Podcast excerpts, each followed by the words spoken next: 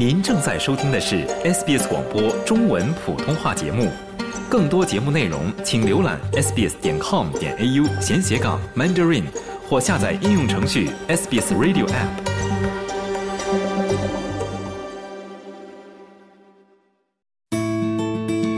我家的果树为何不开花难挂果呢？有机肥、无机肥，琳琅满目的肥料该如何选择？对症下药。家庭园艺种植养护经验推广窍门分享。，SBS 普通话电台园艺热线。每周五欢迎您拨打一三零零七九九三二三提问，听园艺高手在空中解答您的难题。听众朋友，您现在正在收听的是 SBS 普通话电台每天两个小时的节目。现在呢，为您直播的是园艺热线。今天的园艺热线呢，我们要继续跟大家来说一说有关于除虫剂的话题啊。夏季时节呢，植物是生长比较旺盛，病虫害也处于相对的高发期。在上几期的园艺热线节目之中呢，园艺高手张崇岩是分享了除虫剂白油的相关的知识啊。那本期的园艺热线呢，我们请到张老师来介绍另外一种澳洲常见的除虫剂。那么，听众朋友们，我们的热线电话现在是已经为您开通了。今天呢，也是我们农历龙年的第一期的园艺热线。听众朋友们，如果您有任何同园艺相关的问题呢，也是欢迎您拨打我们的热线电话一三零零七九九三二三一三零零七九九三二三，来向专家提出您的园艺相关的问题，听专家在空中为您答疑解惑。那现在呢，我们也是来和张老师打一个招呼。张老师您好，呃，主持人你好，大家好。嗯张老师新年快乐。那今天呢，也是我们龙年的第一次的园艺热线啊。在开始节目之前呢，想问一下您这个年过得怎么样呢？呃，我们华人在澳大利亚不是主流那个群体，嗯过年呢应该还算不错了。啊、嗯各个康所啊都有呃龙啊什么东西啊那个像啊挂出来。所以我们在这里呢，主要是吃个年夜饭。过年那天呢，大家都有事了，到晚上呢，女儿啊、外甥啊都在我家一起啊，我太太做了一顿比较丰盛的饭啊，嗯大家一起聚一聚。嗯那我们爱好种植的嘛，白天没事做了，那还是在园里边、后院里边打理一下啊，嗯清理一下不要的东西再弄。嗯刚好这两天我的火龙果啊，有拼命开花，天天晚上开花。嗯但是嗯我的火龙果呢，它是不是自化传粉的？嗯呃，每天晚上要到十一点多，等它花粉比较充充足的时候，最多的时候为它授粉。嗯，呃，基本上这这几都挂果了，哎，真的是非常的不错哈。龙年啊带来好的开头。哎，龙年吃火龙果真的是一个非常好的意头啊。那我感觉有的时候种植也是一个不仅仅是朝九晚五的工作，有的时候是二十四小时都要投入关心，对自家后院种的一些蔬菜瓜果呀，要额外的这个投入一些耐心啊，投入一些时间。那其实说到这个呢，很多听众朋友们都会有一个问题啊，就是因为夏季时节的植物生长比较旺盛啊，病虫害也是比较高发。那有的时候呢，可能就想去使用一些除虫剂来避免这个虫害的发生，或者是虫害已经发生了，要把这个虫子给消灭掉。但是可能很多的听众朋友们都会担心，哦，我用了除虫药之后，瓜果蔬菜是不是还能吃？那么在上几期的节目之中呢，您也是给大家介绍了一种非常环保的杀虫药，那就是白油。我知道您这边还有几种比较环保或者是比较安全的杀虫剂可以推荐给大家。那今天我们是要主要来说一说哪一种杀虫剂呢？呃，就是除虫菊，除虫菊呢，这个用的年数呢就不少了，比较传统的，它是利用植物里边提炼出来的那种那种成分，就是除呃是菊花的一种。嗯。但是不是所有的菊花都呃都会有这个成分的，它是发发现在非洲那边的一种菊花，而且它那个成分呢可以把虫赶走，慢慢的提炼里面东西呢，把它用来杀虫的效果是非常好的。嗯。啊。呃，大家可能还是知道，我们小的时候啊，这里有都是比较有些年纪了，呃，嗯。晚上蚊子有了，那我就点个盘蚊香啊，那个效果很好。在我们睡觉边上、床边上放个盘子，蚊香一点以后呢，那个整个晚上可以安安静静的啊睡觉了，不怕蚊子来干扰。哎，好像是有这个记忆。哎，对啊。嗯。那为什么它能够驱赶那个蚊虫呢？因为它里边有除虫菊的那个成分在里边。呃，蚊香其实也是非常环保安全的呀，因为它也是一个呃自然的植物成分提取，然后用来杀虫的。对对，嗯，它里边呢就是从除虫菊里边提炼的叫除虫菊汁啊，嗯，这个东西就发挥作用。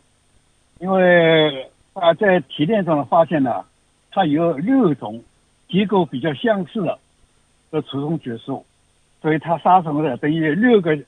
就像一个打仗一样的，一个六把枪同时打那个蚊害虫，对它的效果就比较好。还有它有什么好处呢？它不容易产生抗体，所以好多药看上去效果很好，一喷就死。但是多喷几次呢，就容易产生抗体。嗯，呃，除虫菊呢，不大会产生这种现象。所以真的是非常的环保安全啊！如果它是这种小时候我们用的蚊香的这种主要成分的话，我们整整个晚上都会睡在点蚊香的这个房子里面，然后其实是对我们的人人体没有太大的伤害。所以如果是用在后院的瓜果蔬菜上，我想也是同样一个效果。对呀，所以我们种菜少不了一个害虫来。嗯。所以呢，种我们种有机的蔬菜啊，呃，绿色蔬菜有时也会要用到虫。这个呢，它可以允许呢用的。除虫菊它是以什么样的方式来作用的呢？它主要这个作用方式就是它是神经毒素。嗯。它是攻击呃这个害虫的中枢神经、啊周围神经啊，还有呢，它同时也能够毒死它的呼吸啊，所以它那个制毒的效杀虫的效果很很快啊。一般的呢，它。喷了以后，就让他很兴奋，啊，呃，运动运动的失调，手脚啊这个不会协调了，很快呢就被击倒麻痹而死。呃，喷了以后，他呃一定要喷到他身上，他接触接触型的啊，在喷了以后大约一分钟呃两分钟了，它会产生这个效果了啊，他很兴奋了啊，乱动了啊，一会呢就死了。嗯，还有呢，他也是胃毒。喷了以后，它是肚子里边都有通过胃啊起发生作用。所以说，除虫菊它不仅是环保安全，然后它的作用效果也是非常的快。听众朋友们，如果家中有相关的虫害问题呢，也是可以来尝试使用这种非常环保也是非常安全的杀虫剂。在广告之后呢，我们将继续为您带来园艺热线的节目。现在线上的听众朋友也是，请您稍事的休息一会儿。在广告之后呢，我们会来接入您的来电。听众朋友们，如果您也有想咨询的园艺相关的问题呢，欢迎您拨打我们的热线电话一三零零七九九三二三一三零零七九九三二三。听众朋友，您现在正在收听的是 SBS 电台每天两个小时的中文普通话节目，我是雨夜。现在呢，为您直播的是园艺热线的节目。本期的园艺热线呢，我们请到园艺高手张崇岩张老师为您介绍澳洲一种常见的除虫剂——除虫菊。那除虫菊的菊呢，是菊花的菊。那么在上几期的节目之中呢，张老师也是跟大家分享了另外一种除虫剂白油的相关知识。听众朋友们，如果您想回听前几期有关白油的节目呢，欢迎您登录我们的网站 SBS 中文，或者是下载我们的收音机应用程序来搜索“园艺热线”收听和下载。现在呢，我们要继续为您带来园艺热线的节目。张老师您好。呃，主持人你好。嗯，张老师，在我们继续跟大家分享除虫菊的相关话题之前呢，我们现在线上是有听众朋友已经在等待了，我们一起来接听一下听众的电话吧。好的，这位是李女士，李女士您好。啊，我是我。嗯，是您，新年快乐！请问有什么要问一下张老师的？请问呢，我有种一颗那个火龙果，它种了四五年了，它结。这两年才有结果啊，但是不能不能，它是落下，它有花就黄了，黄之后它就落了，不知道为什么。嗯，李女士，您那边的信号不是很好，我来给张老师转述一下。啊，张老师，那这位李女士她是问自己家的火龙果是种了几年，但是一直有开花，嗯，有开花没有结果，是什么原因？哦，这个要分，呃，第一呢要分清楚，究竟是霸王花还是火龙果，因为这两个东西呢长得都一模一样。假如是霸王花呢，他们种了以后呢，收集这个花呢，呃，烧菜的用的啊。啊，煲汤啊，里边用的霸王花就是这个。但火龙果，你种的是火龙果，呃，开花的不结果呢，有有几个原因。一个呢，你你这个里边呢是缺少那个硼元素，缺少硼的元素呢，它的花粉呢，就是就是授粉了以后呢，它没有办法就是受精，没有办法结果，这是一个原因。第二个原因呢，可能你种的火火龙果，它不是自化传粉的，就是呢，它必须要人去帮忙，它靠自然的，呃，找人的昆虫啊，什么东西啊，它效果不好。最好呢就异化传粉，把这朵花的花粉传到另外一朵花的花粉上面，这样叫异化传粉。所以呢，就是一个一个两个原因啊，一个呢就是你缺硼，传粉了，它也不能受精。也不能结果。第二个就是它不是自化传粉的品种，所以啊，你最好呢晚上呢，要呃人工授粉，拿丝毛笔啊，在一朵花上那个绕一下，那花粉上面绕一下，它沾了粉，在其中间那个柱头上面啊有个凸出来的东西，在旁边那个蘸一下啊，把它授粉。我们种的种的用用什么肥呢？那个鸡肥还是牛肥？嗯，需要用什么样的肥料呢，张老师？啊，肥个牛粪也也很好啊，自己做堆肥牛粪。假如你比如做自己做那个那个堆肥啊、厨余肥都很好，但是呢，这是它能够供应它正常的生长。它开花结果的时候呢，它就需要其他一些成分了，比如说它需要更多的磷肥跟钾肥啊。还有呢，需要那些盆呢，让它来，它生的气管呢发育正常。所以呢，就是火龙果你要保证它能够正常的去化果的，最好就是用那个硼砂，就是我们清洁用品的硼砂，化成千分之二的溶液，把它喷一下，连续喷个几次，相隔五天啊、一星期喷几次。这个这样呢，可以让它吸收了以后呢，开了花以后。它在开花的发育过程中，它里边那个生殖器官，就是它的花粉，它的脂肪能够正常发育，以后呢，它就可以正常挂果了。好，谢谢。好的，也是非常感谢您参与节目，哎，谢谢您。嗯，听众朋友们，如果您是有和火龙果相关的问题啊，也是欢迎您登录我们的网站查看我们的往期节目。那之前呢，在园艺热线的节目之中，张老师也是有跟大家详细的分享过火龙果种植的相关的问题。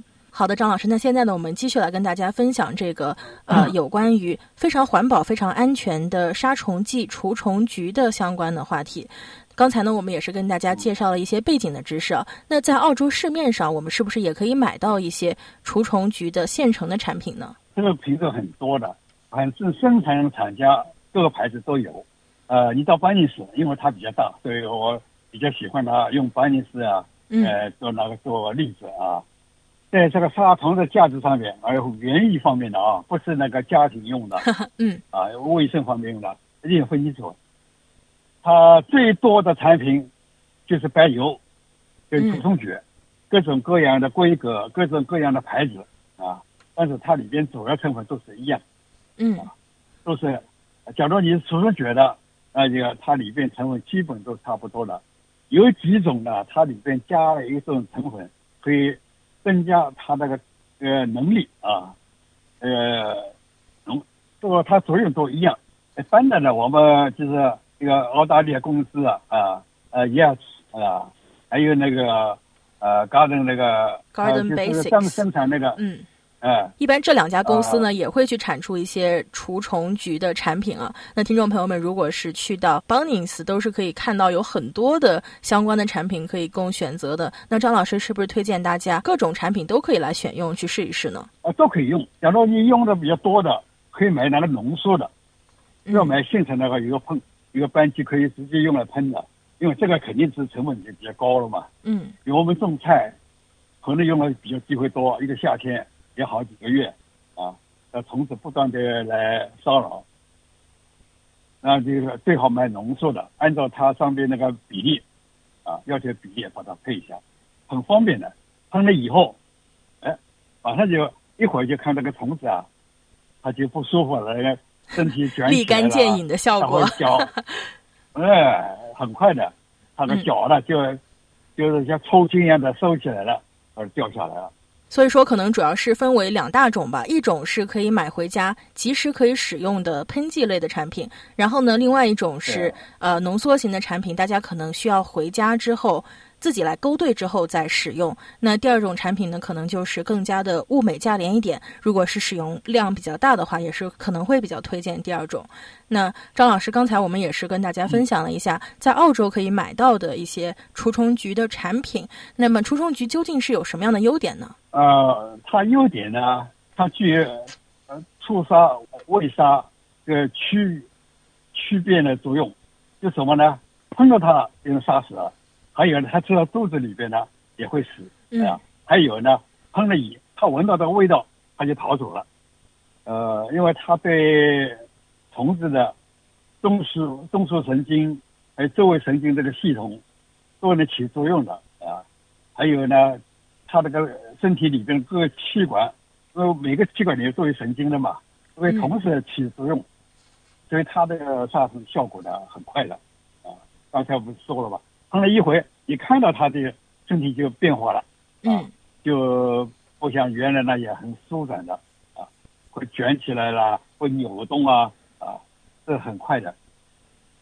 第二个呢，就是天然的除虫菊呢，在环境中呢，它通过光解，什么叫光解？阳光照了以后，它会分解，啊，还有呢，微生物，因为它是有机的，微生物呢也可以把它当，呃，它的食品。把它在上面繁殖，把它分解，哎呀，所以它很快呢就会分解了，变成碳啊、氢啊、氧啊、氮啊，啊，这些都是自然的成分，因此呢，使用它呢就不不会污染农产品。它在光解的时间多多长呢？一般的一天、两天，最多三天，啊，最主要取决于一个阳光强烈不强烈，嗯，啊阳光强很强烈了。你今天喷了，啊，明天就效果就差了，啊，再后天就基本没有了，所以呢，它是基本不会那个污染。还有呢，它可以杀死在体内的寄生虫，比如说，呃，我们人的身体里边或者动物身体里边，会肠道里边、胃里边会有这寄生虫吗？它这个药里边也有这个成分有了啊。而且呢，这个中国跟美国这个农业部啊，就规定，呃，它可以在使用的安全间隔期啊，只有一天。嗯。啊，比如说我今天用药了，啊，我明天呢要吃吃菜了怎么办呢？哎，明天就可以直接把它采摘下来，洗一下就可以用了。不像有的比较要需要七天，有的需要这个十天，甚至有的要二十几天才能够呃使用。就无公害的呃食品上面用，嗯，真的是非常的环保和安全啊，那优点也是非常的多。听众朋友们，您现在正在收听的是 SBS 普通话电台的园艺热线节目。现在呢，我们也是来稍事的休息一下，在广告之后呢，我们请张老师继续带来相关的分享。听众朋友，您现在正在收听的是 SBS 普通话电台每天两个小时的节目，我是雨夜。现在呢，为您直播的是园艺热线。本期的园艺热线呢，我们请到园艺高手张崇岩张老师为您介绍一种澳洲非常常见的，也是非常环保和安全的杀虫剂——除虫菊。张老师您好。呃，主持人你好，大家好。嗯，张老师啊在继续分享我们本期的内容之前啊，我们现在线上呢是有两位的听众朋友，我们一起来听听他们有什么想问的吧。这位是李女士，李女士您好。喂，你好，是我吗？哎，是您，有什么想问一下张老师的呢？哦，张老师好，主持人好。啊，我想问一下，就是我有一瓶，嗯，strawberry 瓜了，我不知道汉语叫什么。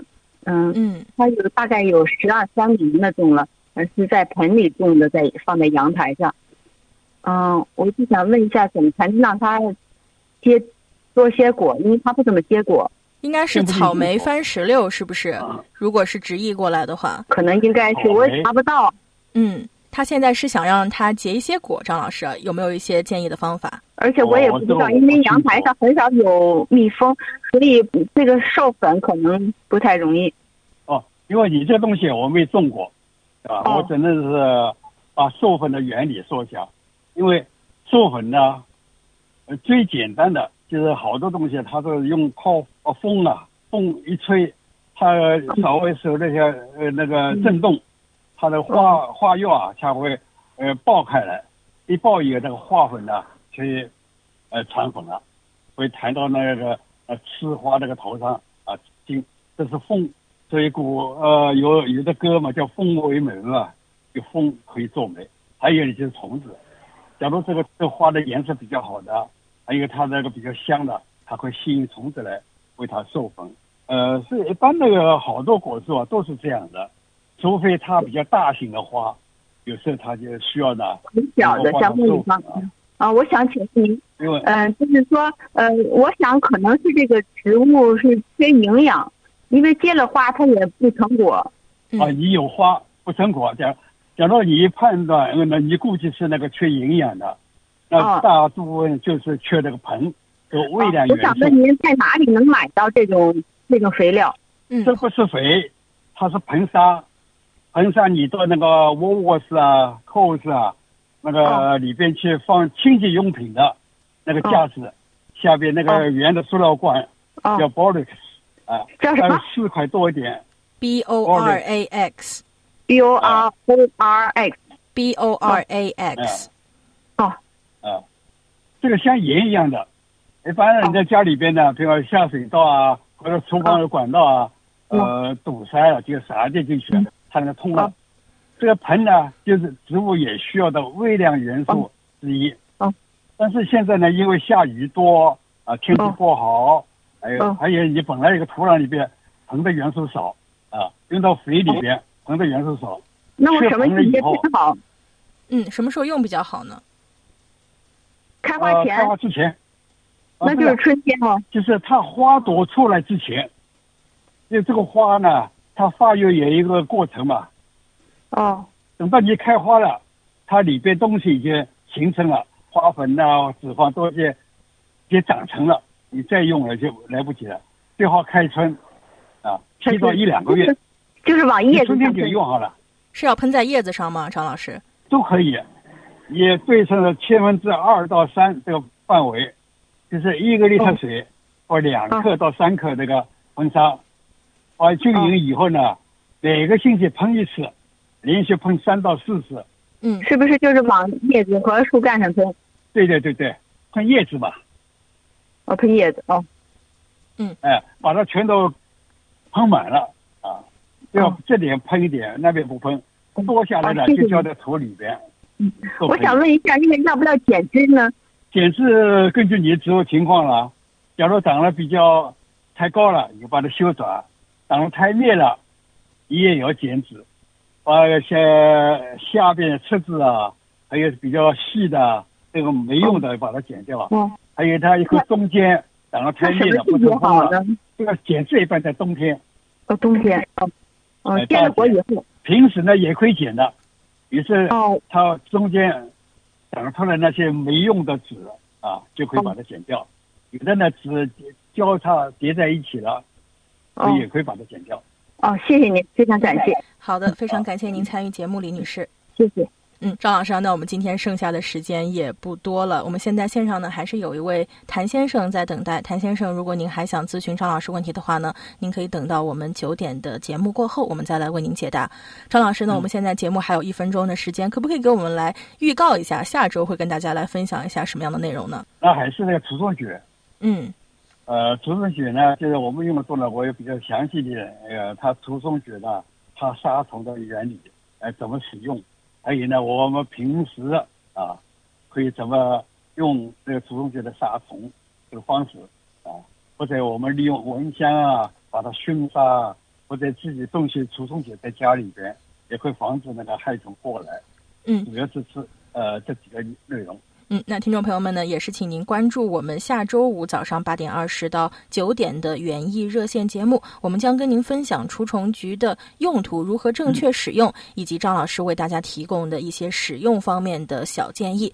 听众朋友，今天早上两个小时的节目到这里就播放完成了，非常感谢您的收听和陪伴。啊，您好。哎，您好，有什么要问一下张老师的？张老师好。哎，呃，对，张老师说的那个除虫菊和和那个蚊香的关系，我。我经常在后院点蚊香，嗯，我想问一下，就是用蚊香灰泡水来喷有用吗？嗯，张老师，呃，蚊香兑兑水啊？蚊香灰啊？蚊香灰兑水是不是有用？呃，也可以用，但是经过燃烧以后呢，它效能呢可能会差点。你可以试试看，因为我没试过。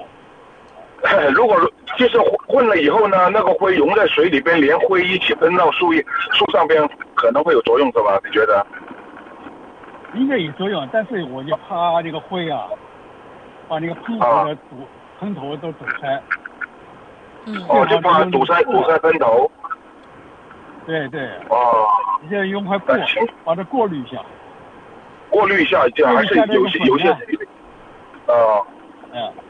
龙这样这样会好点是吧？你喷，哎，把它渣呢，这个撒在土里边。哦，那个渣子可以埋在土里边是吧？兑完水之后，水就拿来喷，渣子就埋在土里边是吧？对对对对对。哦，那好的，好，谢谢你啊。好的，谢谢您，谢谢。谢谢，再见，再见。喜欢、分享、评论，欢迎您在 Facebook 上关注 SBS 普通话页面。